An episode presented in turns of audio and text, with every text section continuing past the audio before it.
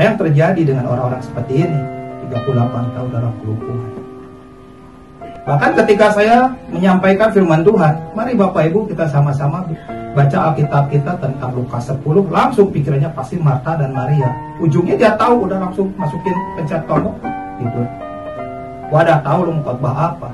Orang-orang seperti ini 38 tahun di pinggir Bethesda, kolam Bethesda, gak alami apa-apa.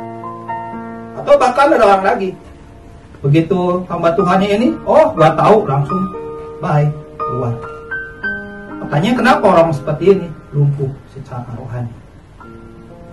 Dia hanya menyaksikan semua peristiwa-peristiwa yang Tuhan perbuat, dia sering nggak mengalaminya. Kenapa? Karena dia terbukanya